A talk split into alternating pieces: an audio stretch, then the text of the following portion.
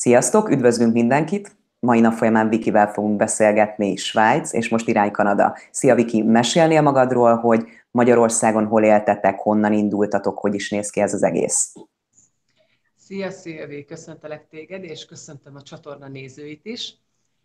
Hú, hát hosszú a történet, de azt hiszem van időnk, mint mondtad, és, és nagyon örülök, hogy itt újra összefoglalhatom mindezt, úgyhogy izgatott vagyok, ami, ami egy olyan jó energia, és ugye mivel én is ilyen hasonló munkákkal foglalkozok, ezért örülök, hogy így partnerek tudunk lenni. No, tehát ez egy olyan történet, amit, amit így a mesekönyvekben, ha így megírnánk, vagy majd lehet, hogy egy későbbi időpontban meg is írom, mint könyv, akkor, akkor, akkor ez egy nagyon szép történet, és, és nagyon szívmelengető az egész sztori a maga kihívásaival együtt. És ugye nekem is szakmám az online online riportok, a, a videók és egyebek, vlogom is van, és abban is mindig ezt közvetítem, hogy és akit érdekel, remélem most a te csatornáról is sok embert érdekelni fog, az, az medíthet belőle, mert hogy ez, ez erről szólna, hogy egyfajta szolgálat, egyfajta segítés.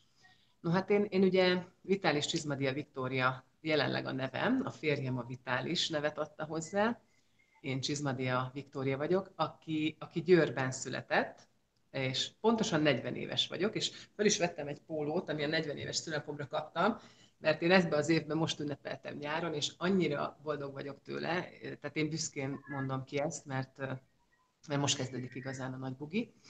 Úgyhogy 40 éve ott születtem, és ott nőttem föl, és, és egy csodálatos életem volt családommal. 18 évig éltem Győrben, és mindig éreztem, hogy bennem van egy ilyen menőke. Tehát akik hallgatjátok majd, és külföldre készültök, vagy, vagy van ilyen gondolat, akkor visszanézhettek, hogy fiatalkorotokban volt-e menőke bennetek. No, bennem mindig volt. Mindig volt, és, és állandóan mentem, jöttem, szerveztem, beszéltem, utazni akartam. És aztán ugye az egyetemi első nagy lépés, de hát ez sokaknak van így. Az volt a legnagyobb lépés, ami, ami Miskolcra vitt. És azért mosolygok annyira, mert több két verzió van. A, tudjátok, a kormány közlemény szerint nyilván oda vettek föl, és oda jártam egyetemre 8 évig, és szereztem két diplomát, de ugyanakkor azért kerültem Miskolcra, hogy megtaláljam a férjemet, mert ő ózdi. És valójában Győr Ózd tengelyen, ugye tű a szén a kazalba, lehetne, ezért én valami oda vonzott engem, és ez majd a további sztorikba érdekes lesz ez a vonzás, hogy, hogy mi hajt embereket arra, hogy ugye külföldre menjen, hogy tovább lépjen. Mi most már a harmadik országban vagyunk, de erről majd később, és hogy egyszerűen éreztem már akkor, hogy én nekem ott valami dolgom van, csak ez nem realizálódott. És 15 évet éltem ott, és imádom Miskolcot a mai napig. Ott született az első gyermekünk is, és, és örökre, tehát örökre a szívem egyik csücske, így szoktam mondani. Úgyhogy így indult az én életem, így indult az én vándorlásom, és akkor is még csak ugye 20, adjuk gyorsan össze, három voltam. És akkor egyszerűen, ah, ahogy most visszagondolok, az egész egy ilyen hopp, elmúlt a film. Úgyhogy érdekes erről beszélni, de, de nagyon szívesen beszélek róla. Milyen végzettséget szereztél Magyarországon? Hát magyar szakos diplomám van, tehát én lehetnék magyar tanár is, mert a pedagógiát is elvégeztem, aztán politológusként végeztem, ami egy ilyen nagy kuriózum az én életemben, soha nem dolgoztam a témában, de nagyon jó volt egyfajta más nézőpontot látni, és ez, ez, ez majd a későbbi munkám kapcsán lesz fontos, ezt majd elmondom. És én mindig, mindig televíziósnak készültem. Ugye ezt, ezt emelném ki. Tehát ha azt kérdezitek, hogy ki vagyok én, akkor én azt mondom, hogy Viki vagyok, egy boldog anya, egy boldog nő, aki televíziós riporter és life coach, aki, aki segíti az embereket azzal a tapasztalással, ami nekem van. És főleg anyukákat, mert ugye három gyermekünk van. Azért ez nagyon fontos téma lesz majd. És, és magyar szakosként is mindig nagyon fontos volt nekem a szereplés. Öt éves koromtól tudtam. Én a bemondókat bámultam a tévébe, és mondtam utánuk a szöveget, hogy wow, én ott szeretnék. Tehát, hogy egy pici óvodás gyereknél szoktam tanácsolni anyukáknak, hogy, hogy figyeljék meg, hogy mivel játszik nagyon szívesen. Mihez tér vissza önállóan, mikor kerül flóba. Mert ott az nagyon fontos lesz majd az ő jövőképe szempontjából. Úgyhogy én akkor már riporternek készültem, mindig volt valami hosszúkás tárgy, amit mikrofonként használtam, szerepeltem, mondtam, és akkor utána az volt, hogy anyukámék, persze jó, hát ugye ki tűzoltó lesz, ki katona, ki ez, ki az, óvodásként, és hát a magyar szak azért nagyon passzolt ehhez. Nem vettek fel a kommunikációs szakra, mert a ponton kevés lett. Mondtam, nem baj, megyünk magyar szakra. Akkor, akkor még nem kellett diploma ehhez. És aztán úgy kezdtem tévézni 2000 környékén gyakornokként ingyen, Miskolcon, kisebb televízióknál, hogy, hogy az nagyon kemény volt. Tehát a nulla, a, a mínusz százról indulva, mert nem volt gyakorlatom, nem tanultam sehol. Ösztönből csináltam, nagyon nehéz volt. Ma már azt mondom, hogy hálás vagyok, mert a sok kihívással edződtem. És azt gondolom, hogy ez nagyon-nagyon-nagyon jó tapasztalás. Persze jó lett volna ezt egyetemen megtanulni, de nekem nem ez volt megérve. És aztán kisebb tévék, rádiók, öm, oda-vissza, az egyik éppen megszűnt, a másikból kirúgtak. Szóval nagyon kalandos volt, nagyon sok mélypontom is volt benne. Ha későbbiekben is tudom mondani, mert ugye ez egy személyiségfejlődési ív része de itt most nem ez a téma. Úgyhogy igen, a televízió vitt engem nagyon sokáig, egészen 2009-ig, amikor megszületett az én első gyermekem, és akkor már én a TV2 tényeket tudósítottam. Tehát úgy volt, hogy a tények vidéki stábjából én voltam az észak-kelet-magyarországi tudósító egyedül. Imádtam, pörgős, fantasztikus élet volt, nagyon jó kollégákkal, akik operatőrként segítettek. Sokat tanultam ott is, ma már nem csinálnám újra, a mai énem, hanem az akkori, az akkori Vikinek ez volt az ismét edzőtábor, mert, mert akkor, akkor úgy, értem, úgy éltem meg, hogy megértem a tudósítás csúcsát, amit lehetett abban a kategóriában. És, és sok rossz hírt mondtunk. És én nekem ma az a célom, hogy jó híreket mondjunk, mint mondjuk itt például, hogy a külföldi utazások költözések családdal, nőként hogy zajlanak. Megkérdezhetem azt, hogy mostani éneddel visszanézve mi az, amiért nem csinálnád már? A televíziózást? Igen. Én úgy csinálnék televíziót, hogy, és meg is csináltam, mert ugye van egy csatornám, a Facebookon is, meg a YouTube-on is, ami csak az enyém, csak én irányítom, és csak jó híreket mondok. Tehát nekem nagyon, nagyon szeretnék olyan televízióban dolgozni, és biztos, hogy van is ilyen, tehát én nem minősíteni akarom egyiket sem, hanem egyszerűen élni azt a részét, hogy, hogy, hogy adunk az embereknek, hogy valami információt, valami érzést, valami tapasztalást. De nem törölnék vissza semmit, hogy én azt nem csinálnám. Az nekem akkor kellett. Megtanultam a rugalmasságot, megtanultam élőzni, megtanultam, hogy más emberek máshogy gondolkodnak. Persze ez egy hosszú út, ez nem egy év alatt történik meg. A sok kihívás, amiből sokszor sírva jöttem ki azért, az is emelt. És ma már coachként tudom, hogy ez, ez mely, mely, mely nagy önbizalom tréning, vagy önértékelés, vagy, vagy nevezhetjük ezt akárhogy, de akkor ezt még így nem tudatosítottam. 2009-ben akkor teljesen búcsút mondtál a televíziózásnak? Így van, így van. Én, mi nagyon vágytuk a gyermeket. 2007-ben volt az esküvőnk, a férjem ő egy mérnök ember, csodálatos apuka. Ezt én akkor ugye még nem tudtam nyilván. Azt se tudtam, hogy én milyen anyuka leszek. És, és érkezett is a Vivi. Ő 2009. januárban Miskolcon megszületett az a csoda, amit én sosem képzel, nem tudtam, hogy milyen lesz.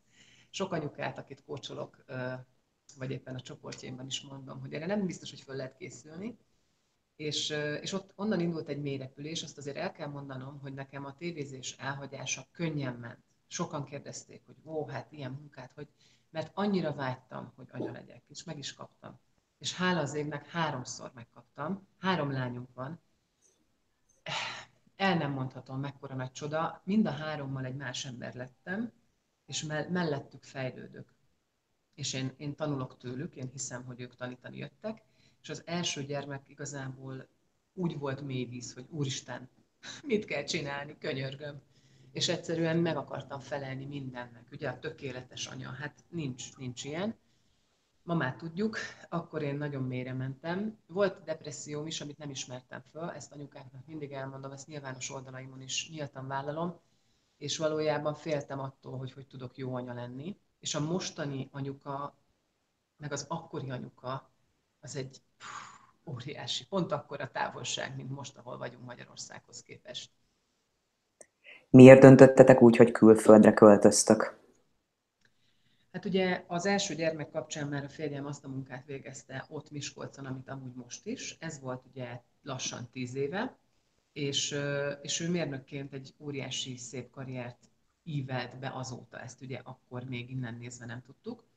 És az ő munkája kapcsán költözünk valójában, most már tényleg tizedik éve lesz, és először kisebb lépések, tudod, ez a tréning. Tehát igazából én azt mondom, hogy a mostani, majd mindjárt elérkezünk ugye a, big jumpunkhoz, de előtte volt sok kisebb.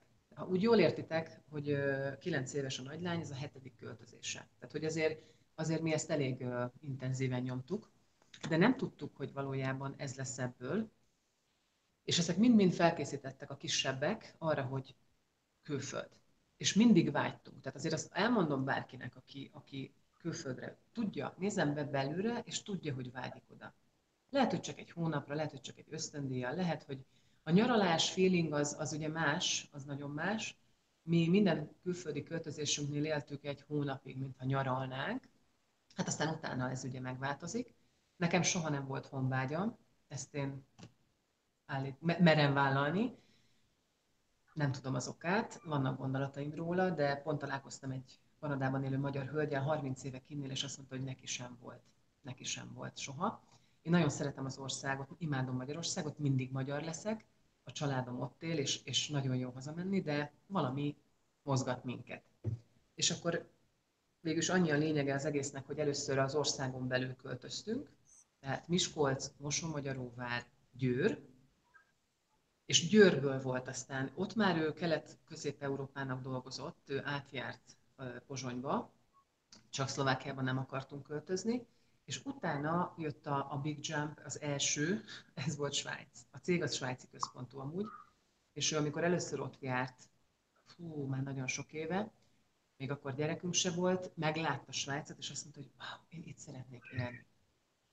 És, és, és utána a Svájc után, ami négy év volt, akkor jött most ezen a nyáron Kanada, de majd nem, nem szadok előre, tehát itt az izgalmak fokozódni fognak, hogy miért pont Kanada. Mm, visszanézve a négy évre, hogy látod ezt a Svájcot? Te szerettél ott élni? Megtaláltad-e a számításaidat? Mit tudnál erről mesélni?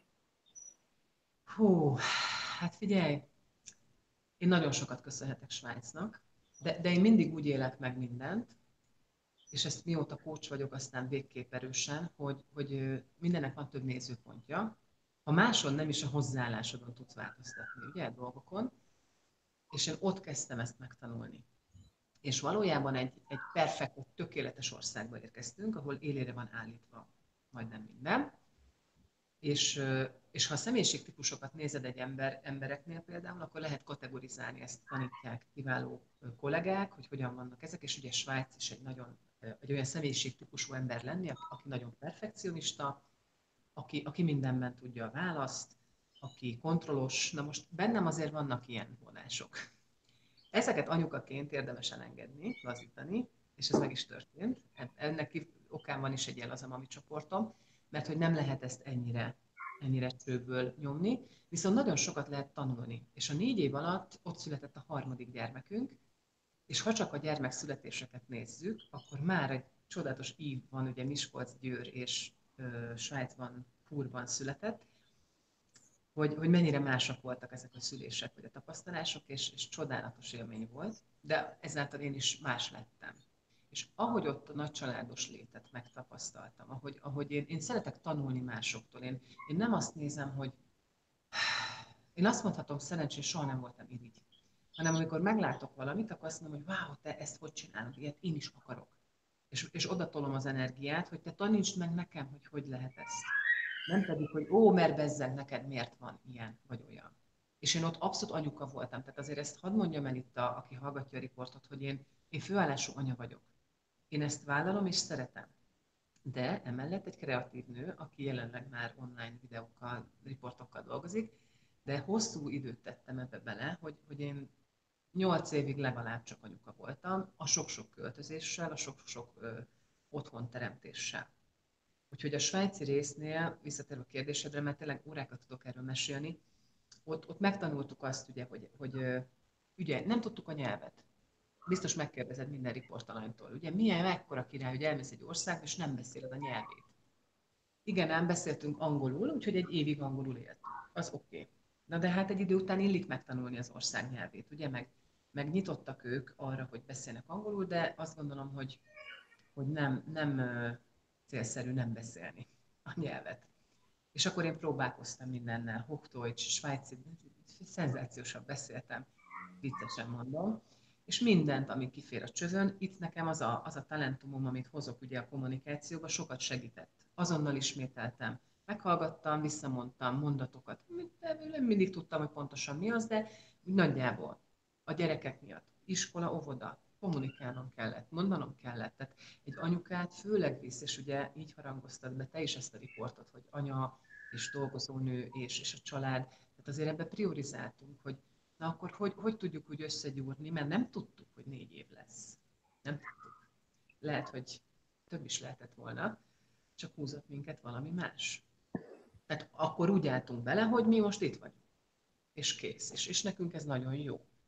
Úgyhogy Svájcnak nagyon sokat köszönhetek, még akkor is, hogyha voltak olyan kihívások, hogy egyszerűen túl szigorúak, túl sok a szabály, akit nagyon érdekel, rám is írhat külön, tehát egyszerűen szerencsét próbálni menni Svájcba nem könnyű. Hozzáteszem, hogy mi céggel mentünk, ez így sokkal könnyebb. És én nagyon hálás vagyok ennek a cégnek, akivel azóta is megyünk, mert nagyon sok támogatásunk van. És ezt a, az útraindulóknak mindig elmondom, és itt is hangsúlyozom, hogy ez nagyon fontos, főleg családnak egy biztonságot ad. Az, hogy fizetik a, az átmeneti időszakot, és, és nem csak a pénz miatt, hanem a támogatottság, hogy keresnek neked mondjuk albérletet, hogy, hogy olyan számokat hallasz először a forinthoz képest, hogy úristen, 3000 frank egy, egy komolyabb ház. És akkor gyorsan felszorzod ugye forintba, mert hát persze, hogy felszorzod először, aztán utána már nem szorzod és akkor azt mondják, hogy az átlag minimálbér Svájcban ugye úgy van, én nem dolgoztam Svájcban hivatalosan így, mint alkalmazott, én csak egy fél évig voltam vállalkozó, azt még hobbinak minősítette a svájci állam, 4000 frank bruttó. Tehát azért, azért ilyen tekintetben is óriási a lépés a magyar és a svájci között. Svájcban a cégen kívül ugye egy óriási nagy segítség volt az elindulásban, meg ugye ott megtaláljátok a dolgokat, de hogy volt Svájcban esetleg ismerősötök, barátotok, vagy esetleg rokon? Nem volt. Úgy volt, hogy amikor mi kimentünk, akkor, akkor így, hát az univerzum, vagy a, vagy a teremtő, vagy nem tudom ki segít minket utunkon, úgy hirtelen az utunkba kerültek segítők emberek. Már maga a hely, ahol laktunk, ott volt egy négy, négy gyerekes család, akik mai napig jó barátaink, és imádom őket, és az anyuka nekem olyan mintát mutatott, olyan segítőkész volt, hogy, hogy, hogy egyszerűen nem hittem el. Együtt szültünk is majdnem, a, ő a negyediket, én a harmadikat. Aztán jöttek még más barátok, akik magyarok voltak, és, és pont összefutottunk az utcán, ugye, milyen véletlen. És akkor ott lett nekünk egy, egy pótmamánk, aki segített. Tehát, hogy azért én ebbe hiszek, és most is így van. Tehát nem hiszitek el, itt ülök Kanadába, csak így a report nem tudom, hanyadik percében elmondanám, hogy ugye jelenleg itt most 11 óra 20 perc van délelőtt, és pont egy hete vagyunk itt, egy hét és két napja, egy szállodában, és pont az első parti, ahova elmegyünk, pont ott van ez a hölgy, aki 30 éve itt él és magyar. És pont mindent el tudott mondani, amire akkor éppen szükségünk volt. Tehát ez szenzációs jó érzés.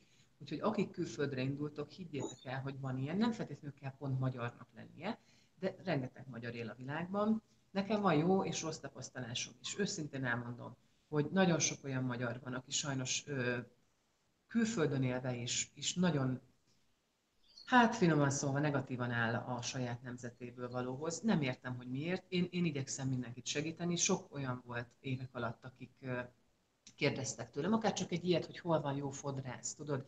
Mert ez nagyon fontos egy nőnek. Vannak magyar csoportok. Svájcban óriási drága, például a fodrászat. Tehát ha találsz egy jó fodrászt olcsón, akkor azt meg kell osztani magyarokkal. De egyszerűbb dolgok is, vagy egy bonyolultabbak is, ugye fontosak. Én, én ilyen nagyon segítő vagyok, és hát vannak, akik nem. Viszont olyanokkal is találkoztam, akik, akik Persze elfogadom, hogy elszigetelődnek, és nem szeretnének. Van, aki nem is akart megszólalni, hallott, hogy magyarul beszélünk, de nem, nem reagált. Én ezt is elfogadom. Úgyhogy itt a lélek a fontos. Tehát nem feltétlenül az, hogy most magyar vagy. Nekem van ö, olasz-svájci barátnőm, van echte svájci, van, aki, aki most itt ekvádori kollégákkal beszélgetünk. Én imádom ezt a sokféleséget. A magyar ember talán nem annyira elfogadó, amire még van is jogosítványa, mert ugye olyan nemzet vagyunk, akik, akiket a balsors sajnos sokszor tépett, de ugyanakkor, ha kilépsz a határon kívül, akkor az a hitem, hogy ha már egy másik országban vagy, egész más gondolataid jönnek. Ezt ki kell próbálni. Ki nyaralni megy ki meg lehet, hogy egy hosszabb lélegzetre. És, és a gondolataid által teremtődsz meg te. És hogyha azt mondod, hogy oké, okay, beengedek egy új gondolatot, felülírom azt, ami van amúgy, de beengedem, nem kell azonosulni teljesen vele, csak beengedem, csak megrágom, csak átgondolom, akkor már lehet, hogy az épített téged, vagy emelt, vagy változtatott valami. És akkor még nem történtek nagy dolgok. Említetted ugye az idegen nyelvtudást, hogy angol nyelvtudással rendelkeztetek, amikor kimentetek, hogy édesanyaként ezt hogy élted meg a gyermekekkel akkor, hogy nem beszélted csak az angolt? Hát figyelj, először én azért ezen aggódtam rendesen, a, megfelelési maximalizmus kényszerem miatt. Akkor már jóval kevesebb volt bennem, mint mondjuk egy gyerekkel. Addigra már jobban le tudtam adni ezekből, de azért, hogy húha, beültem egy első szülőértekezlet, emlékszem, Svájc, öt éves a nagy, óvodába megy. Ekkora hassal, ez volt augusztus, szeptember 6-án szültem. Ekkora hassal beülök, és hallgatom a svájci szülőértekezletet, ahol hát egy szót nem értettem volna, ha nem az történt volna, és ezen aggódtam azért, de mondom, hát csak nem mondanak olyat, ami egy óvodában, hát mondom, majd, majd külön megkérdezem. És azt mondta az óvónő, hogy az én kedvemért, hát először is hoktojcsot. Ha már hoktojcsot beszélnek, már jobban lehet kiérteni. Én régen tanultam németül, de akkor nagyon nem értettem még. Ma már tudok is beszélni hoktojcsot. És akkor elkezdtem még nekem a hoktojcsot beszélni, és utána pedig egy anyuka angolul néha fordított nekem. És ez így működik. És akkor itt álltam, azt mondtam, wow. Úgyhogy ezzel csak azt akarom elmondani, hogy ettől, ha valaki ettől fél, akkor azért ezt, ezt elég hamar át lehet hidalni, hogyha egy olyan nyitott személyisége van, mint nekem. Tehát én most csak magamról tudok beszélni, én, én rögtön kérdezek. Tehát, hogyha nem értem, rögtön kérdezek. De ez ugye a szakmámból jön. Mindig kíváncsi vagyok. De ha egy anyatigris vagyok, már pedig az vagyok, és a gyerekem ért mindent, hogy ő neki jó helye legyen, hogy ő tudja, hogy, hogy mit, hogy kell, akkor kézzel lábba. Tehát akkor teljesen mindegy, hogy milyen nyelvet beszélünk, és én, amilyen nyitott voltam feléjük, ez egy ezerfős kisebb faluba volt, szerencsénk volt, hogy kisebb helyre mentünk, sokkal barátibbak a kapcsolatok. Egy-két hét múlva mindenki tudta, hogy ide költözött egy család, ahol ilyen óriás magas emberek nőnek, mert én 184 centi vagyok, a férjem két méter, szőke pánk hajam volt éppen akkor, és mindenki csak így nézte, hogy ezek honnan jönnek, nagyon vicces volt. És, és tényleg a gyerekek tekintetében, hogy ez a fontos, hogy ők hogy fogadják, az öt éves először stresszelt rajta nagyon. A két éves az ezzel nem foglalkozik. Tehát ő otthon volt velem. Az öt éves ö, próbáltuk átbillenteni, ő két hónap múlva gyönyörűen beszélt svájciul. Tehát a gyerekek így tanulják. De sokat kellett beszélni vele, hogy nézd, anya, te ilyen tekintetben jól jött, hogy nézd, anya se érti. Tehát, hogy ne azt higgye, hogy az anya egy tökéletes lény, aki mindent ért és mindent tud, hanem azt mondom, hogy én se értem, gyere, kérdezzük meg, így vagy úgy. És akkor ők mentek, ugye ott naponta minden nap mentek oviba, délig. Ott egész más az óvodai rendszer, ha valakit ez érdekel, mert kisgyerekkel Svájcba menne, nagyon sokat tudok erről mesélni. Nem egyszerű, tehát nem, nem egy olyan rendszer, mint otthon. És akkor ő, ő, ő elindult reggel, és hazajött 11.50-kor, tehát ez egy rövidebb időszak volt, és pár hónap múlva gyönyörűen beszélte. És, és a barátaink, azok pedig olasz-svájciak, olasz anyanyelvel, a négy lány, Úgyhogy nálunk mindenki beszélt minden nyelven. Olaszul, svájciul, németül, angolul, magyarul, és megértettük egymást. Tudsz-e olyan esetet mondani, amikor, hát hogy mondjam, nehézséget okozott, hogy angol nyelvtudással rendelkeztek, akár a gyermekeknél egy egészségügyi dolognál, vagy bármi ilyesminél volt-e ilyen? Nehézség nem volt, olyan volt, hogy nagyon kellett koncentrálnom, mindig, amikor komoly helyre mentünk, tehát orvos vagy egyebek, akkor ötször megkérdeztem, újra visszakérdeztem, hogy jól értem, hogy akkor ezt így kell beadni, és ennyit kell beadni, írjuk le egy papírra, és ezért hangsúlyozom, hogy anyukák, nagyszülők, apukák, akárki, aki így van, menjen és merjen kérdezni. Ehhez nyilván kell egy ilyen, ilyen személyiség is, de amikor kimész külföldre bárki, aki nem is olyan, mint én, hanem mondjuk introvertálta, akkor, akkor rá fog jönni, hogyha nem kérdez, akkor ott komoly gondok lehetnek. Tehát ott tényleg félre mehet a történet, hogy mit írsz alá, ugye? Tehát nagyon fontos, hogy melyik papíron mi van leírva. És ha aláírtad, akkor ugye, sorry, nem mondhatod, hogy nem értettem, és nekünk sokszor volt angol szerződ, mondjuk a bankba bementünk, és egy angol ügynököt kaptunk, aki angolul szerződtünk le a svájci bankba. Azért ez külföldön már angolul nagyon gyakori. Ha nem tudtunk volna angolul se, néha eljátszottam ezzel a gondolattal, na, akkor azért meredekebb lett volna jóval. jóval. Tehát e, én mivel mindig beszéltem angolul, ezért így innen nézve nekem könnyebb volt. És a szülés is angolul zajlott, és pont kanadai volt a, szülé, a szülész orvos szenzációs volt. Mondta, és hú, de milyen jó beszél angolul. Mondom, maga kicsoda. És mondta, hogy ő kanadai. Ó, mondom, de jó. Tehát valahogy meg voltunk támogatva, én, én ezt hiszem, ezt a részét. Hogy láttad, hogy mennyire voltak befogadóak az emberek? Mert említetted ugye, hogy viszonylag egy kis helyre költöztetek, és hamar tudták, hogy ott vagytok, de hogy milyen tapasztalataitok voltak, akár az óvodában, akár, akár egy mindennapi életben, hogy mennyire voltak befogadóak az emberek veletek szemben. Tudni kell, hogy Svájcról sokan mondják, hogy hú, mert egy olyan ország, hogy nem barátságosak, vagy nem fogadnak el, vagy nem engednek beljebb. Óriási sok sztereotípia él. Én ma már, és hogyha elfogadják ugye a kedves nézők is a tapasztalás okán, azt mondom, hogy nem szabad elhinni elsőre ezeket a mondatokat. Mm, persze, el kell tárolni. Tehát, hogy figyelni. És a hozzáállás amint én úgy álltam oda. Ezt le lehet tesztelni különben, nagyon egyszerű gyakorlatok, én ezt a coachingban tanítom, és sőt magamon gyakorlom, hogy hogy állok dolgokhoz, hogy hogy mosolygok, hogy, hogy hogyan öm, megyek bele, vagy nem megyek bele inkább a szituációba. És akkor azt mondom, hogy hallottunk mi is sok mondatot, sokféle vélemény volt, és akkor azt mondtuk, jó, lássuk. Lássuk. És mivel a nemzetköziség miatt, a férjem munkája miatt mi sok nemzetközi emberrel is találkoztunk, ott már ez nem volt kérdés. Az echte svájci, amikor te mész rendesen a, a hétköznapokba, ott igenis van egyfajta fal, amit én azt gondolom, hogy amúgy ezt egy másik országban, vagy más, Magyarországon is megélheted külföldiként. Ugyanakkor nem kell mindig belépned az ő szférájába teljesen. Tehát amiért összecsatlakoztok, annyi, és nem több. És lehet, hogy a svájci nem fog őt téged meghívni a saját otthonába, de minket volt, hogy meghívtak. És amikor ezt mondta mindenki, hogy oh, mert hát ilyenek meg oké. Okay. És nekünk mégis, mégis más volt, és úgy sírt a svájci barátnőm, aki echte svájci, mikor mi eljöttünk onnan most nyáron, hogy egyszerűen szívszorító volt, mert ő talált bennem valakit. És én hiszem, hogy a sors az egész életünkre, vagy talán előtte, utána is még ki mibe hisz, sodor az életedbe embereket, lelkeket, mert dolgotok van, ideig, óráig. Kivel egy életen át, ez az én férjem például, kivel pedig egy-két év, vagy egy-két nap, vagy egy mondat.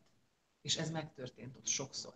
És egy mondatot mondtak, és, és, és mikor azt mondtuk, hogy a magyar lány öt évesen, öt évesen készítettek egy hétig sítábor, hát Svájcban mindenki síjel, ne vicceljetek már. Már nyilván, aki nem a hegyekben lakik, az elutazik odáig, de mi ott laktunk.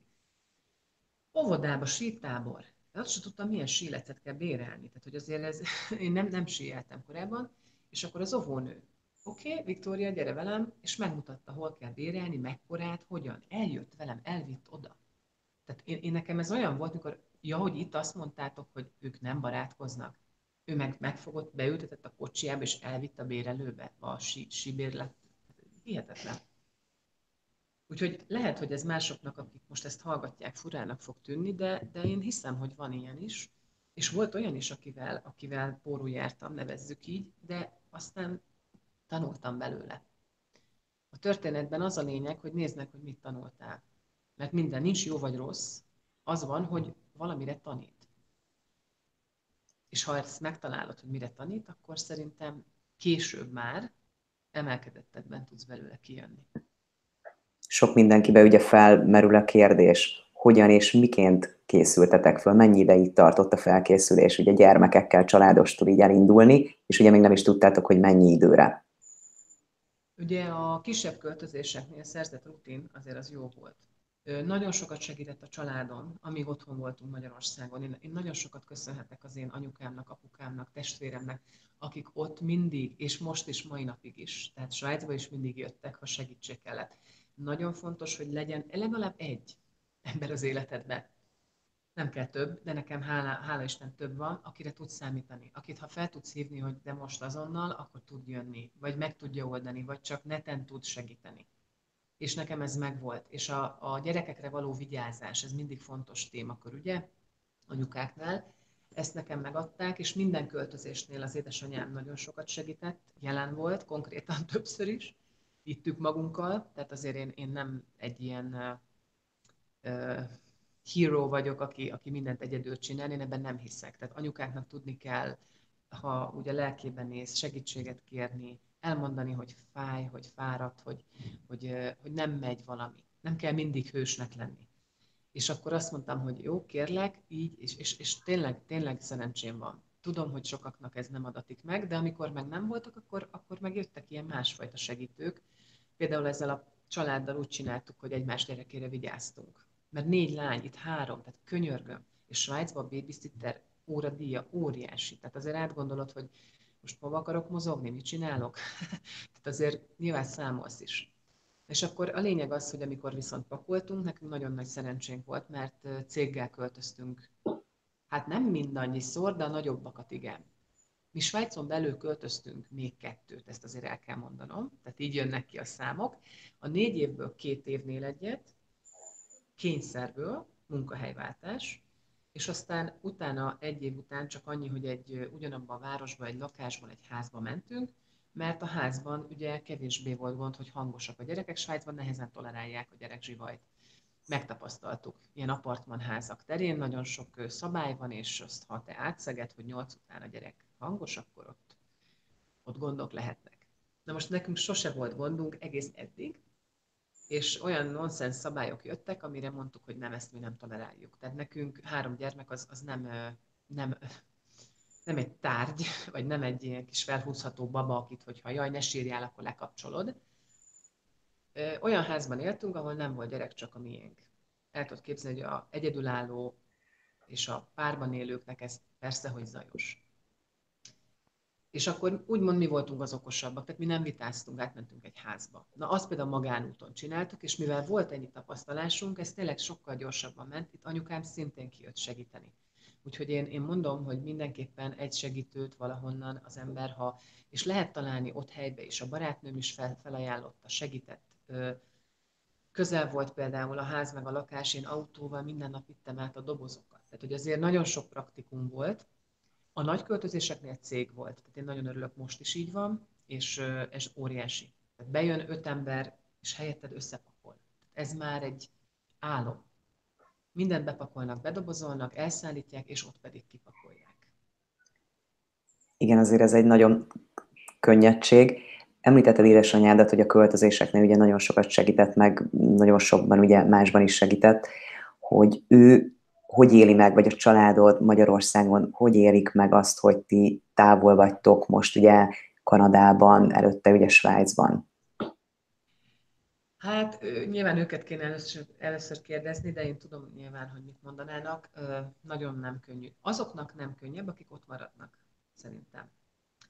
És főleg, hogy vannak unokák.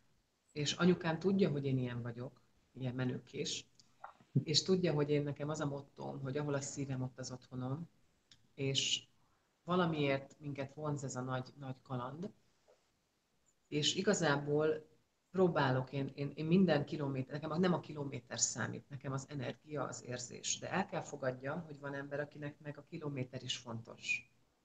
Tehát aki úgy él egy életet, hogy mondjuk a szűk család viszonylag mindig ugyanabban a városban él, akkor nem is tudja elképzelni, milyen az, amikor több ezer kilométerre. És hála a sorsnak, hogy van internet, hogy van már Skype, már minden van, már most is beszélgetünk, ugye? Tehát, hogy ez nekik segített, de amúgy tényleg nehezen élik, és sokat, viszonylag sokat találkozunk ahhoz képest, hogy messze vagyunk. Most már innen Kanadából ez nem fog így menni. Én nagyon örülnék, ha évente haza tudnánk menni egyszer, vagy ők egyszer ki. Úgyhogy, de ez még mivel nagyon friss, tehát a nézőknek is mondom, hogy most még ott vagyunk a nyaralós feelingben, amit említettem az elején. A cég által bérelt szállodai szobába, tehát ezek még, ez még a rózsaszín rész.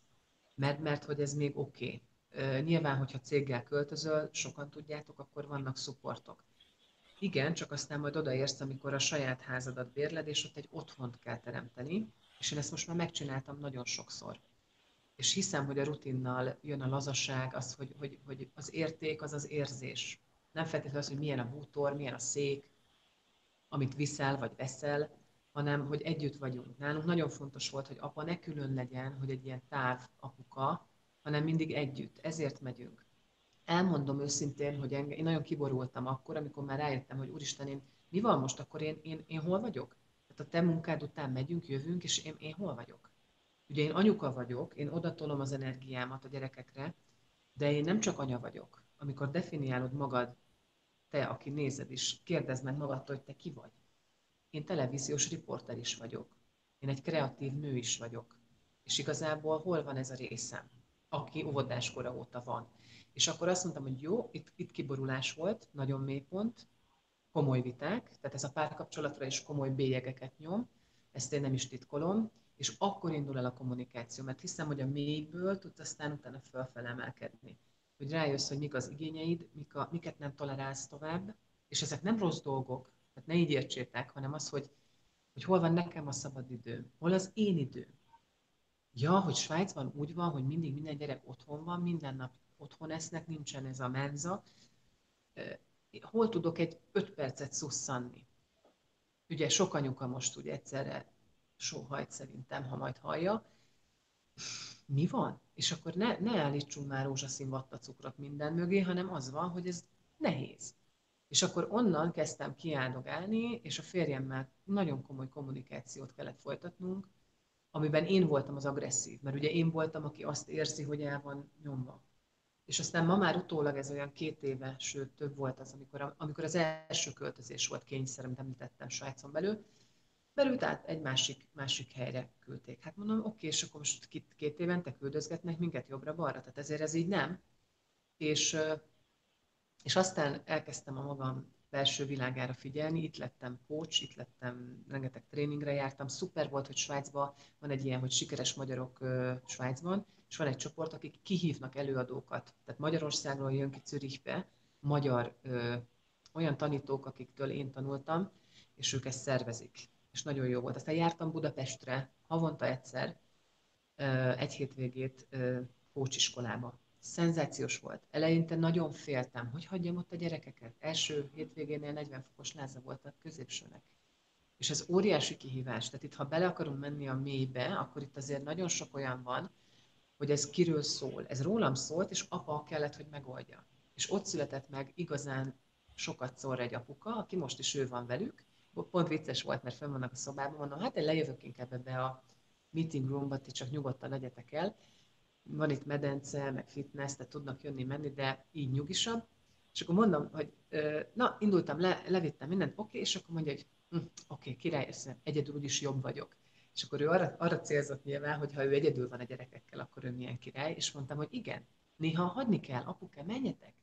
Tudják ők, csak sok anyuka felül akarja ezt bírálni, hogy majd ő jobban tudja, meg majd, majd ő megmondja, hogy hogyan ö, legyen.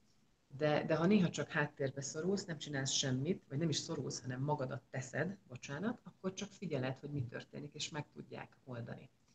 És érdekes volt, mert ezek a havonta egyszeri hétvégék bennem előhívták azt a részemet, amire én vágytam. Az az önálló, független nő, aki kreatív, aki dolgozik, aki, aki gyengéden áll ehhez hozzá.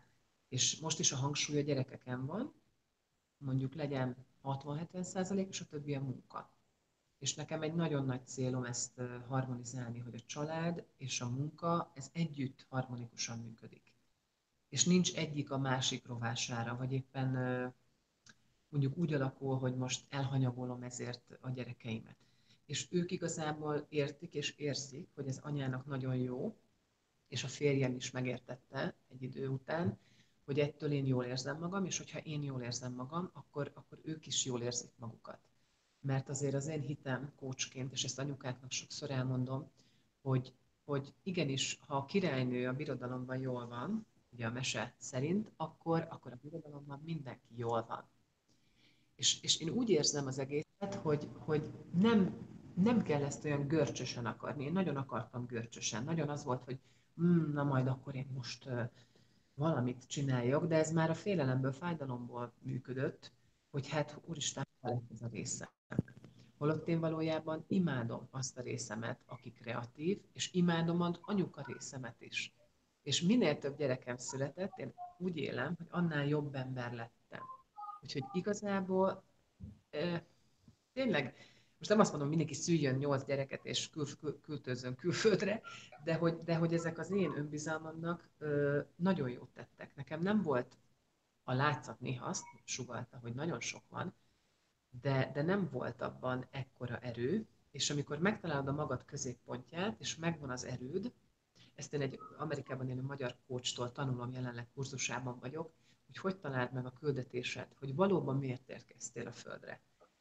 Nagy gondolat, igen. De aki ezt megtalálja, és bennem ott van ez a külföldi tapasztalás, feeling, hogy itt is pont egy anyukával összetalálkozok a medencénél, hogy, hogy ma már három gyerekkel simán megyek medencézni uszodába, míg más anyuka, úristen, hát hogy induljak ugye el? És emlékszem én is, uh, útra indultunk Győr, Miskolc, egy gyerek. Hát egy frázban voltam, hogy mindent elvigyünk, hogy egyáltalán hogy lesz, meg mi lesz. Tiszta para. Ma meg 15 órát repültem egyedül három gyerekkel egy világon át. És ezt nem azért mondom, mert én meg a király, hanem az, hogy honnan, hova jutsz. És hogy van ebben út, és van ebben uh, lehetőség, hogy jobb lehet, hogy, hogy, hogy olyan lehet, amilyenre vágyod. Mert hogyha a vágyaidat éled, és ez nem a pénzről szól, sok minden szól arról persze, de mára fogalmazódott meg bennem, hogy én a férjem mellett lehetek így kvázi szabad, mert neki van egy jó munkája, és stabil egzisztenciát teremt.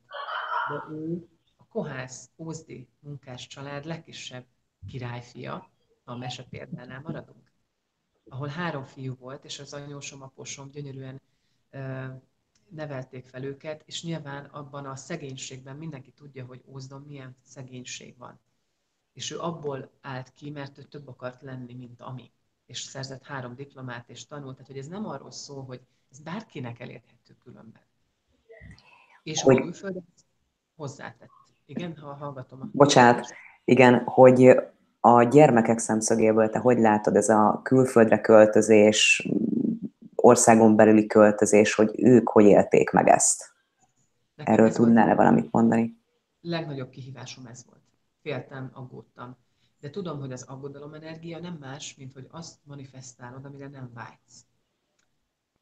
Ez a mondat nagyon későn érkezett el hozzám, ahhoz képest, ahogy amekkora ereje van, de ma már nem az aggodalom visz, hanem hogy hogy tudom őket segíteni. Hogy, ők, hogy, a, hogy a nagy például most már kilenc évesen hogy sírt ö, sokat, hogy indulunk el Svájcból, hogy de miért nem itt lesz apának munkája, miért kell nekünk elmenni. És a szívem szakadt meg, de ugyanakkor próbáltam őket minden oldalról érzelmileg támogatni, sokat beszélgetni, és elmondani, hogy nekem is fáj. Volt, hogy együtt sírtunk, mert hogy fáj ott hagyni a barátokat, fáj ott hagyni azt, ami a, nem mondom, nekünk Svájc valójában nem, a, nem úgy az otthonunk, mint mondjuk Magyarország. Magyarországról ő a nagyjéktól, meg a mamáktól úgy jön el, hogy ugyanígy zokog. És mondtam, Vivi, ez azt jelzi, hogy óriási kötődésed van, ami szenzációs. Hogy próbálom úgy fordítani a sztorit, a hozzáállás, amiről beszélek, hogy persze nekem is fáj látni dolgokat, de ugyanakkor, hogy ez ekkora érzelmi intelligencia, ami már benne él, és ő ezt éli. Most nyilván próbáljuk a legnagyobbat megteremteni, van úszodait, jó, de jó, tehát hogy állatkertbe megyünk, tehát gyerekeket lehet azért úgy egy kicsit, tudod, mézes madzag, de, de tudom, hogy a legmélyén nem ez kell, hogy legyen, és akkor most, most ott állunk különben, tehát azért mindenki értse, hogy ez egy nagyon-nagyon nagy váltás, mert télen eldöntöttük, hogy Amerikába költözünk. Amerikai kontrakt, szerződést kötött a férjem a kontinensre, de amerikai székhelyjel. Ő előre jött, elkezdte egyengetni a dolgot, én eljöttem, megnéztük a házat, kibéreltünk egy házat, megvan a házunk július 1-től Amerikába, és közben változott meg, mert sokat járt át Kanadába, és a cégnél változtak a leosztások, ez egy óriás világvállalat, 90 országban van ö, székhelye, és akkor jött a hideg zuhany, hogy megint váltás, még oda se értünk. Tehát azért ezt százból nem tudom, két ember, ha lehet, hogy elsőre úgy jól fogadná, és hangsúlyozom, nem azért mondom, mert mi vagyunk a királyak, hanem azért, mert előtte ennyi tréningünk már volt. Már a sors már minket megedzett ebbe. És akkor azt mondtam, jó, akkor most oda vigyél, ahol a nekünk a legjobb. És ez a mondat, egy ilyen varázsmondat, ebben vannak segítőim is, és azt mondtuk, oké, okay, és ez mi? És ez Vancouver lett. Egy hónap volt, ami kemény volt, sok tárgyalás, utazás. Úgy indul el a konténeretek, hogy be van pakolva minden, az életed be van pakolva. Nincs autód, eladtad, nincs lakásod, nincs házad, nincs vagyonod, ami, ami vagyon, vagyon. A pénzed van a bankszámlán, és indul. És nem tudod, hogy hova. Na most azért ezt nem kell utánunk csinálni, így direktből, de amikor ez van, akkor így azt mondod, hogy jó, akkor itt valami más dolga van az a sorsnak velünk. És jött Vancouver, ahova nem sokára odaérünk, jövő vasárnap, most Calgary mellett vagyunk, és egyszerűen itt érzem, én, én, én így érkeztem, hogy oké, okay, de akkor mutassátok a legjobbat, ami nekünk a legjobb. Óceánpart, lesz víz, lesz hegy, lesz city, mindenki menjen fel a neten, írja be, hogy Vancouver, és olyan képek vannak, hogy elájulok. Én még ott nem voltam, a férjem már volt, és így érkezünk meg, és a konténerünk várakozik, és azt mondják, jó, amikor megvan a címetek, akkor küldjük. Tehát ez egy olyan szervezés, hogy akinek ilyen nincs, azt, azt akkor szerintem lehetetlen. Pedig az én hittem, hogy kevés lehetetlen dolog van, de akkor nem tudom, mi van. Most várakozik a konténerünk, és azt mondják, hogy jó, amint átmentünk, 30 napunk van, hogy találjunk egy házat, béreljük, és oda beérkezik majd a konténer. Azért ez egy óriási nagy kihívás tényleg, és szervezésehez nagyon-nagyon-nagyon szükséges, mert anélkül a konténer elveszik, így kezdődik. Ezt úgy képzeljétek el, hogy mi a nap 24 órájában időzónától függően ülünk, főleg a férjem, angolul jönnek a szerződések, a, a supportok, az agentek, a minden. Nagyon jó, hogy ők vannak, de ezt valakinek koordinálnia kell. Ezt valakinek igent kell mondani, vagy nemet. Alá kell írni, vagy, vagy azt mondani, hogy hopp, akkor most van egy repülős csomagunk, az hol van, hol kell bérelni. Tehát, hogy nyilván óriási logisztika, de minden pillanatban hálát adok érte, hogy, hogy van mögötte egy ekkora dolog. Tehát ha már valaki külföldre indul, biztos nagyon sok olyan szer, ö, munkahely van, aminek több székhelye van a világban. Tehát, hogy, hogy ez érdemes úgy gondolkodni, hogy nemzetközi cégnél, nekünk van egy barátunk, aki Svájcban most hazaköltözött, és ő a svájci munkáját tudja Magyarországon vinni home office. És nem gondoltad volna, ugye? Tehát, hogy először ő se gondolta volna. Meg volt az oka, hogy miért költözött haza család és egyéb tekintetben, óriási vállalás és döntés mondjuk 12 év Svájc után Magyarországra költözni. Őszintén én nem mentem volna vissza. De ez, egy, ez egy érdekes kérdés, igen, ilyen szempontból, hogy az ember merre indul akkor, vagy hogy milyen döntéseket hoz, és hogy ez mit tud befolyásolni ugye az életében. Igen, és ők pedig szerintem jól döntöttek különben, és pont, hogy nyitva hagyták, hogy oké, okay, de ha nem jön be, léphetünk, mert ott van bennünk már ez a rugalmasság akik külföldre mennek, sokkal nyitottabbak, sokkal rugalmasabbak dolgokra. És nem akarom, tehát én nehogy azt érezzetek, hogy ezzel a másik oldalt akarom bántani. Egyszerűen egy tapasztalás. Ugye, hogy a gyerek is bekerül egy közösségbe, tanul, utána iskolába, szívja magába, szívja magába, mint a szivacs, de ő még ugye nem kontrollál, ő még nem, nem bírál, neki még az egója nem működik úgy. Nekünk felnőtteknek sokkal jobban, meg majd én megmondom, majd én tudom. Hát ezt az egót kell félretenni egy kicsit, és nagyon is komolyan beleállni abba, hogy na akkor merre tudunk haladni igazából. És ugye mi mindig családdal mentünk, hangsúlyozom, mindig első szempont volt, hogy a család jóléte, a férjemnek is és nekem is. Nem vállaltunk volna soha olyat, ami veszélyes, mondjuk, vagy egy olyan ország, ahol három lányjal mondjuk egy keleti országban nem, nem élnék. Tetszik az, hogy sok helyen sokféle nemzet van, hogy az én gyerekeimnek már a bőrszín, vagy a vallás az már nem olyan fura, mint otthon. Ugyanakkor mi is így nőttünk ugye fel, hogy, hogy, a, hogy fehér ember volt Magyarországon többségben, és igazából ez a nyitottság ez szerintem ad egyfajta olyan magabiztosságot, amiben, hogyha ha tényleg bele tudsz ereszkedni, és a te értékeiddel megtámogatod, akkor, akkor össze lehet gyúrni valami nagyon, nagyon klassz dolgot. És tényleg így, hogy családban. Tehát egyedül, nem tudom, lehet, hogy néha könnyebb egyedül, ugye, mert nincs más felelősség, nincs felelősség a gyerekért, a férjért, a bármiért. Akkor maximum megpróbáltam, nem működik, akkor hazajövök.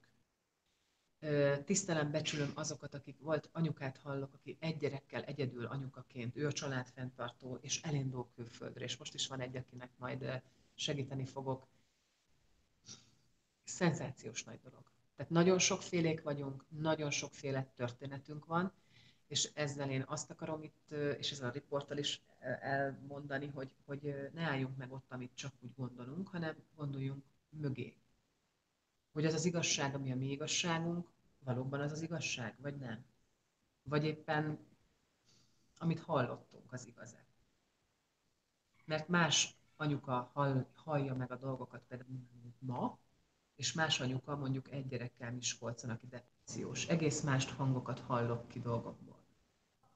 Az az anyuka valószínűleg nem indultál volna ilyen hosszú útra egyedül három gyerekkel, és az az anyuka valószínű, hogy sokkal nehezebben élni az ilyen kihívásokat.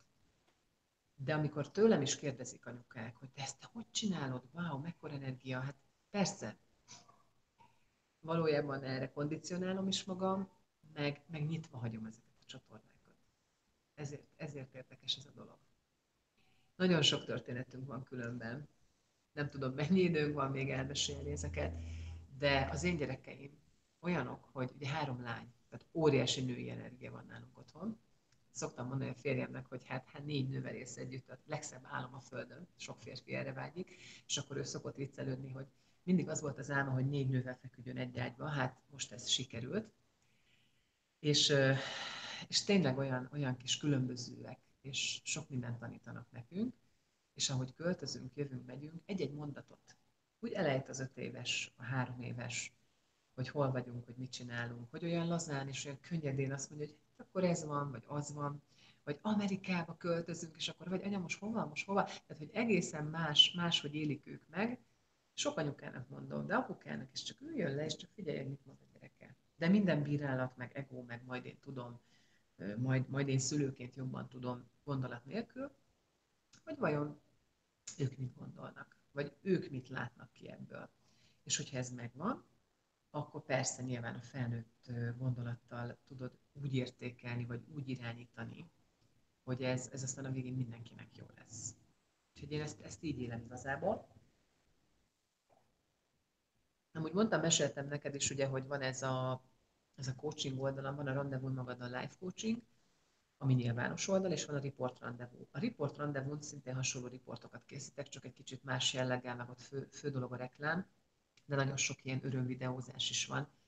És ott, is, ott is elmondják, most van egy ilyen rovat, hogy öt kontinens, öt nő, ahol, ahol a nőként mit adott neked az új kontinens című, című kérdés lesz, és most a pár alkalom volt, de én azt gondolom, hogy talán nőként lehet, hogy kicsit könnyebb hozzá alakulni, de ennek okán egy férfi interjút is kell erről készíteni. mert azért a gyerek témakör miatt, meg a, amiatt, hogy ennyire akarod a tüzet őrizni, mert azért ez ösztönösen jön, azért sok másra is képes vagy. Mondok egy sztorit, ami benne volt a vlogomban. London Heathrow tömeg, óriási ö,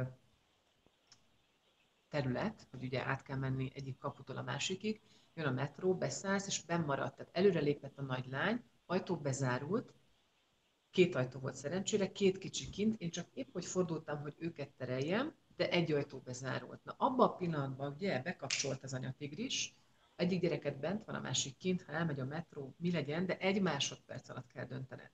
Nem több. És ezek a kihívások, bocsánat, ezek viszik előbbre a te mindenedet. És akkor ott álltam, megfogtam a második ajtót, kitámasztottam, és rögtön tudtam, hogy ha ez nem csukódik be, akkor nem megy el a vonat. És én fogtam az ajtót, és zárult, és toltam. És hát még szerencs, hogy erős vagyok, meg szerencs, hogy nem volt. Tehát ha nem olyan volt, hogy összezárul, az becsip téged. Oda-vissza, oda-vissza, egy a 30 másodperc ment, bent sírt a nagylány. Oh, most mi lesz? Én, én, én szerencsés stressz helyzetekben nagyon jól reagálok. Oké, okay, és akkor az volt, hogy bent egy illető nyilván realizálták rögtön, szólt egy, egy csengővel, tehát vagy volt sofőr, vagy nem, de tudtam, hogy kamerák vannak. Úgy is látják, hogy egy őrült szőkenő itt fogja az ajtót, tehát valaminek történnie kell. És mondtam, nyugi, Vivi, nyugi, addig a vonat nem megy el, amíg mi itt vagyunk. És egyszer csak kinyílt az ajtót, tehát központilag kinyitották, és akkor beléptünk, és mindenki tapsolt, és tényleg olyan volt, mint a filmeken. És akkor azt mondtam, hogy na, akkor, akkor a helyünkön vagyunk, meg tudtuk oldani. És nyilván, ha elvitte volna a vonat, akkor meg más lett volna a megoldás. Ma már tudom, hogy azt kell mondani ilyenkor, hogy a következő megállóba szállj le. Ugye ez, de akkor egy másodperc alatt ezt nem biztos, hogy meg tudod mondani. Mert ha a következőbe ő leszáll, akkor oké, okay, mi felszállunk a következő vonatra, és találkozunk. Na mindegy, sok ilyen sztori lehet, főleg nagyvárosokban, főleg nagy helyeken, főleg úgy, hogy töredék másodperc alatt történnek dolgok. Még ha nagyon odafigyelsz, akkor is kiesett a kiságyból az legkisebb gyerekem, úgyhogy ott ültem mellette. Hm? Hogy csináltuk? Nem lett semmi baj, hála Isten, de így kiugrott, mert ő addig tornászkodott, amíg egy éves volt. Hát hihetetlen. És igazából anyukaként is, utazóként, külföldön is, nagyon, volt egy, még egy sztori, ha elmondhatom. Hú, Persze. Férjem Egyiptomban volt, mert ő sokat utazott ez alatt a négy év alatt, és mi olyan munkát akartunk azért, ahol ő otthon van, és most Vancouverben úgy lesz, hogy egy fix van, ő egy helyen, a papi minden este otthon vacsorázik. Oh, óriási feeling. Tehát azért a döntéseid, szoktam viccesen mondani, még ha itt is itt kevesebb pénzt is kapunk, de ugye mi a megfizethetetlen? Az, hogy ő otthon eszik. A többire meg ott van a Mastercard, ahogy viccelődünk, de igazából ez óriási nagy dolog. Na most akkor ő sokat utazott, és az volt, hogy basszus, hát igazából én ott egyedül vittem a hátamon mindent, tehát sok férfi energia kellett, hogy működjön. És egy hétig volt Egyiptomban, két sztori van, az egyik annyira nem izgi, de hogy megáll a kocsi, szakad az eső, akkumulátor nem indul, két gyerek nálad, egyért meg mész. Az egynek mondtad, hogy ott leszel háromkor, de a kocsi nem indul. Na, ilyenkor mi van? Szakadó esőbe két gyerekkel fuss el, mondjuk nem volt olyan messze, hozzáteszem, vagy a szomszéd segít, vagy elkezdte bikázni. Hála az égnek, hogy a nagy haza tudott jönni egyedül, mert rájött, hogy ha anya nem ért ide, és ezt is megtartottam vele, hogy ha megbeszéltük, hogy ott találkozunk, akkor vársz. De mi van, ha történik valami? Mi van? És akkor egy dolog van, haza. Mert ő haza tudja, hogy hol van, senki mással sehova, egyedül haza. Ugye Svájcban egyedül járnak a gyerekek amúgy iskolába és óvodába, ez azért nagyon durva első körben, aztán megtanulják. Va, óriási az óvodás egyedül jár óvodába. Én egyet még nem láttam, csak ebbe az országba. Itt ez egy kicsit, bocsánat, de ez egy kicsit rémisztően hangzik szerintem ez a magyaroknak, hogy hú, egy óvodás? Hát figyelj, nagyon sok óvoda van, nagyon jó a közbiztonság, nagyon jó a, az autós morál, tehát ott az autós nagyon lassan megy. Egy jelző van a gyerekek nyakába, és külön sáv van nekik, és olyan 400 métert gyalogol. Tehát mondjuk így ennek tekintetében is megtanítják őket. És képzeld el azt a fajta önbizalmat és magabiztosságot az én középsőm, mikor megcsinálta. Hát ő röpködött, hogy anya, megcsináltam. Mert ő tudja, hogy képes rá. Na most, ha én aggódok érte, hogy mi lesz vele, azt az energiát közvetítem felé, hogy te nem vagy képes rá. Ezt, sorry, de ezt kell, hogy mondjam, ha elfogadjátok tőlem kócsként folyamatosan azt nyomod a gyerekednek, ha a játszótéren, ha nem tudom hol, hogy nem vagy képes rá. Tehát a bizalmat vonod tőle. Ja, de hát ebben hogy ne, én is aggódtam, néztem az ablakon először, ugye, néztem, hogy mi hogyan. De láttam, hogy csoportosulnak, sok gyerek együtt megy. Fuszvegeken, tehát ilyen gyalogutakon mentek, nincs autó. Tehát, hogy mindig vannak opciók, csak ne bíráld felül, hanem először így figyeld és óriási nagy dolog volt. Na mindegy, szóval hazajött, szakadó eső közben kihívtam az autószerelőt, ő elvontatta az autót, tehát azért volt ott kalamajka, hogy ezer frank volt hirtelen a történet, de lett akkumulátorunk, miközben a férjemet hívtam, ő olyan Níluson hajózott éppen, ó, mondom, de őrült jó. De megoldottuk. Tehát ezek a kihívások, amiket meg tudsz így oldani, akkor az emeli a te rezgésedet, az emeli az önbizalmadat hány anyuka nem képes, nem vagyok képes rá, nem vagyok képes rá, ezt hajtogatja, én is hajtogattam. Uh, hány ilyen mondat él a fejemben régről, hogy mire nem vagyok képes. Ugye mindig arra figyelünk, hogy mit nem tudunk megcsinálni. Mi lenne, ha átfordítanánk, hogy mit tudunk megcsinálni? Mire vagyunk képesek? Valójában szerintem mindenre, csak ugye egy anyuka felemelt az autóját, mikor a gyereke életét kellett menteni, van ez a sztori a neten, akkor mi van? Tehát több tonnás autót hogy tudunk felemelni? Na és visszatérve a sztori már csak ennyi, akkor, akkor is valahol keleten volt a férjem, és bárányhimnős volt a kicsi, és már aludtak, 11 óra volt, én pedig a hűtőből anya Nassol címmel kivettem két ilyen kicsi joghurtot, ami mézes joghurt volt, és megettem. Nagyon jól esett, és én mentem, hogy na akkor lefekszem, és hát elkezdett dagadni a fejem. És mézallergia, amit kiderült, elég erősen, de annyira nem erős, hogy belehaltam volna, de mondta a doki utána, hogy van, aki egy perc alatt belehalt, tehát azért ez, ez egy veszélyes dolog mert megfullad, ugye, bedagad a feje, és megfullad. Na most én azért ez nekem lassabban jött, de ekkora lett a szemem, nem kaptam levegőt már az orromon, már csak, a, csak, a, csak itt tudtam lélegezni, és akkor fogtam a telefont, közben a kicsi sírt, mert viszketett a, a bőre, ugye közben őt így simogattam, poroztam, és fogtam a telefont, hogy mit kell hívni, melyik számot, hogy a nótfál kiérkezzen, és hogy akkor engem bevisznek, vagy ne vigyenek, mert itt a három gyerek, hova teszem őket, kit hívjak föl, hogy ide, tehát hogy minden lepereg egy rövid idő alatt, bevettem gyorsan két antihisztamint, mert nekem ilyen pollen allergiám van, és arra van gyógyszerem, és akkor, oké, okay, sikerült, és éreztem, hogy megáll. Tehát nem lesz rosszabb. Nem fogok megfulladni. De azért azok a pillanatok, és hogyha külföldön vagy, és ilyen helyzetben vagy, akkor, akkor ezek, ezek, ezek elérkeznek. Pedig nem, nem vágyod nyilván ezeket a pillanatokat, de nem is tudod irányítani. Vagy hogy bárhol bármi történik, vagy most itt erdőtüzek vannak Kanadában. Itt van pont nem messze innen. Itt olyan most a, a felhők, nem felhő az, hanem füst különben. Nem vagyunk veszélybe, de hát nem látod a hegyeket, mert tiszta füst minden.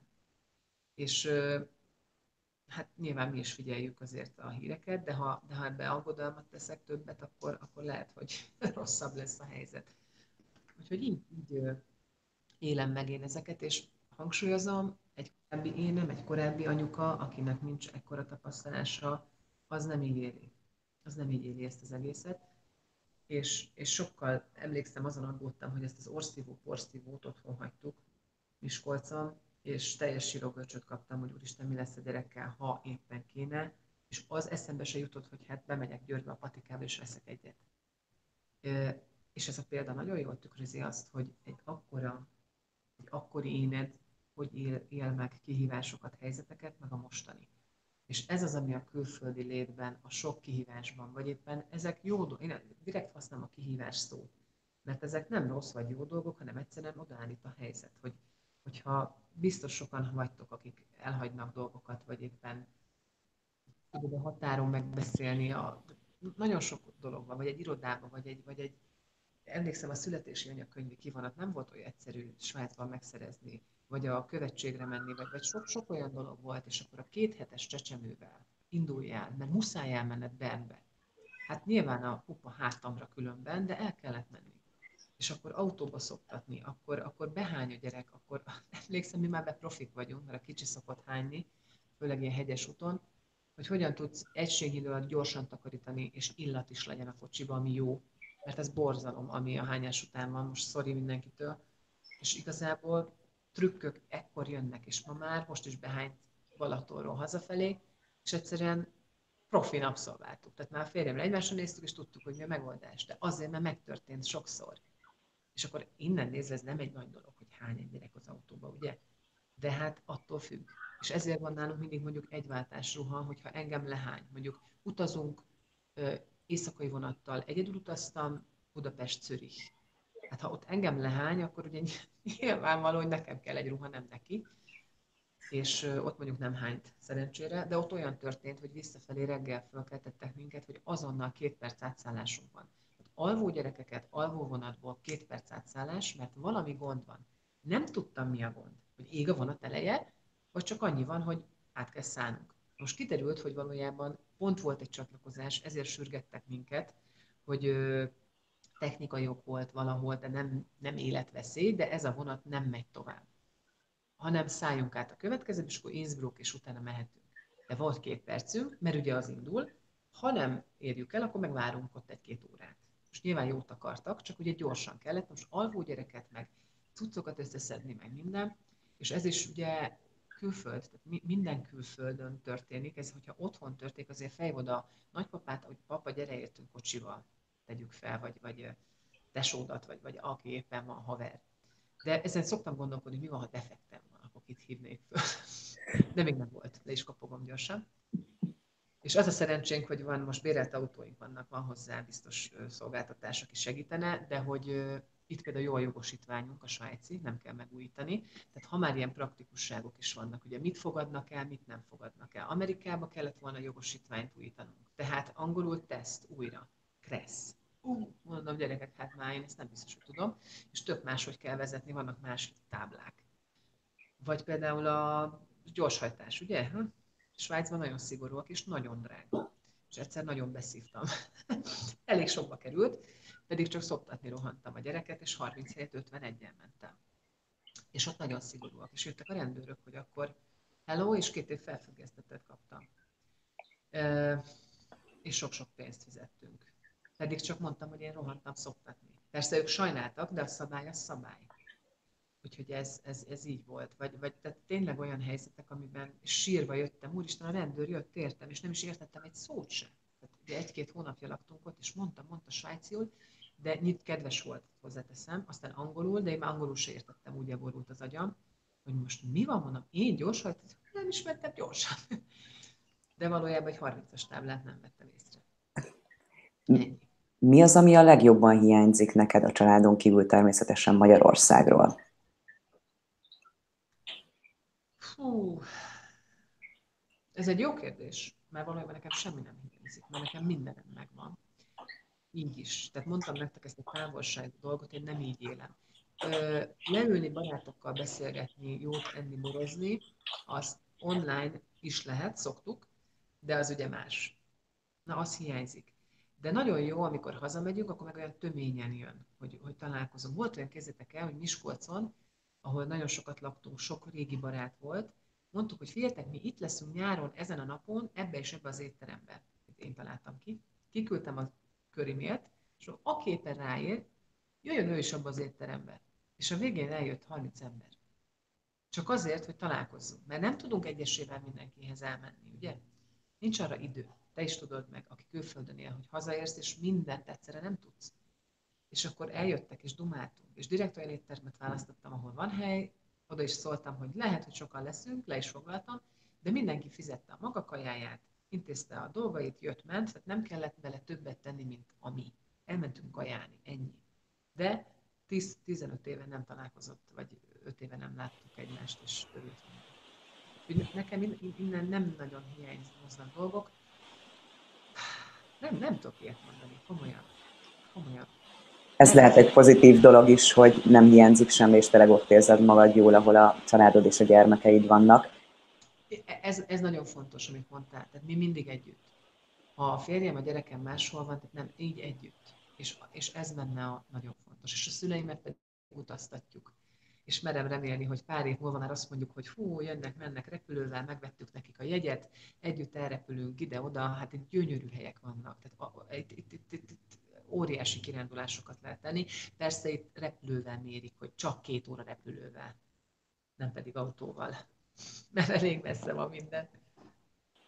És akkor most mivel foglalkozol? Ugye egy-két dolgot említettél, de hogy pontosan akkor mit csinálsz? Erről mesél egy szíves a, a, a nagy mérgembe, amit említettem, hogy én úristen ki vagyok, hogy mi vagyok, akkor ott egy olyan energia indult el, hogy jó, akkor én olyan munkát akarok, amit ott csinálok, ahol akarom, akkor, amikor akarom, és úgy, ahogy én akarom. Na, ez egy óriási mondat, de mi az, tudod?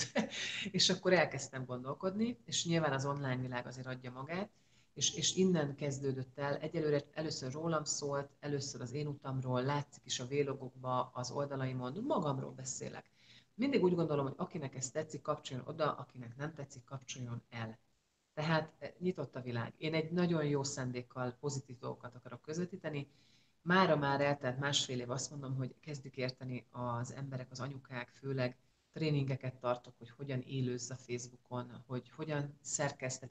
A célom az, hogy, hogy egy szándék van benne, hogy elérhetővé tegyem, hogy a hétköznapi emberek is tudjanak megmutatni magukból valamit mert ők mondjuk egy jó szakmájuk van, egy gyertyaöntő, egy cipész, egy cukrász, egy ékszerkészítő, de nem tudja hol megmutatni, vagy nem tudja úgy vizuális, én nagyon vizuális vagyok, és akkor gyere, láttatlak téged, én kérdezek, és téged emellek. Tehát nem rólam szól, hanem te rólad szól, akivel, akivel én dolgozom.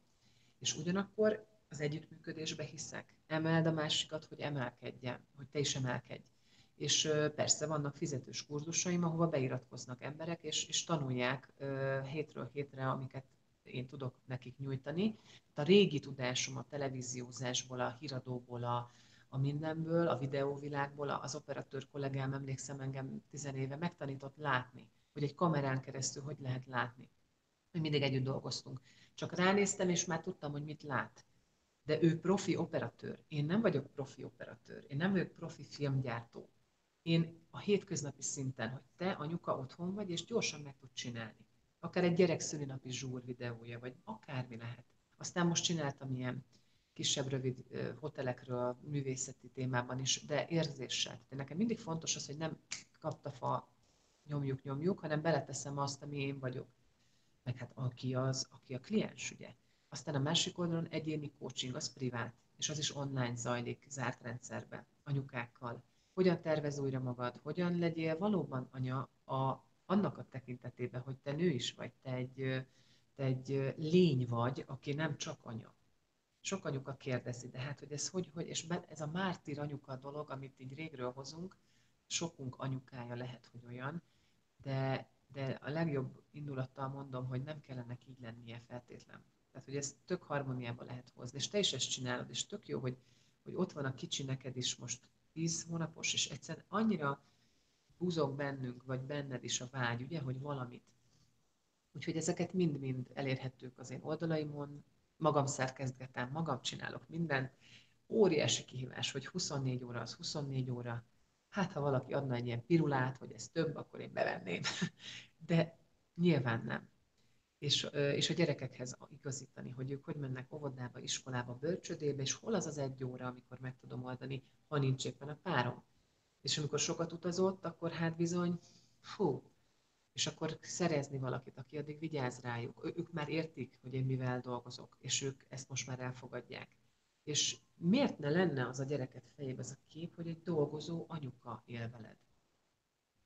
Miért kell anyának ott ülni 24 órában velük? Ugye? Tehát, hogy azért itt sokféle kérdés van, és, és most ezt én, és volt egy kis cégem Svájcban, most Kanadában újraindítom, ez ilyen kis egyéni vállalkozás, még ott hobbinak is minősítették, tehát nyilván nem ebből vesszük a kenyeret és a tejet, de, de én szeretnék így is hozzájárulni a családi kasszához, illetve maga a teremtés rész, nem feltétlenül anyagilag, adni a világnak. Adni nektek, adni akárkinek, akinek ez fontos. Hogy ezt én így élem, és akkor meg lehet találni engem bárhol online. Beírjátok, és, és lehet kérdezni. Mert én a kérdésekből élek. Nagyon szépen köszönöm akkor, hogy megosztottad a tapasztalataidat, és szerintem ezt még hamarosan folytatni fogjuk, mert még lenne miről beszélnünk, és sokat tudnál hát, segíteni a tapasztalataiddal sok mindenkinek. Nagyon szépen köszönöm, és akkor további szép délután kívánok. Én is köszönöm neked, hogy megtaláltál, és további együttműködés. Keep in touch. Legközelebb angol is. Köszi. Így van, én köszöntem. Szia, szia.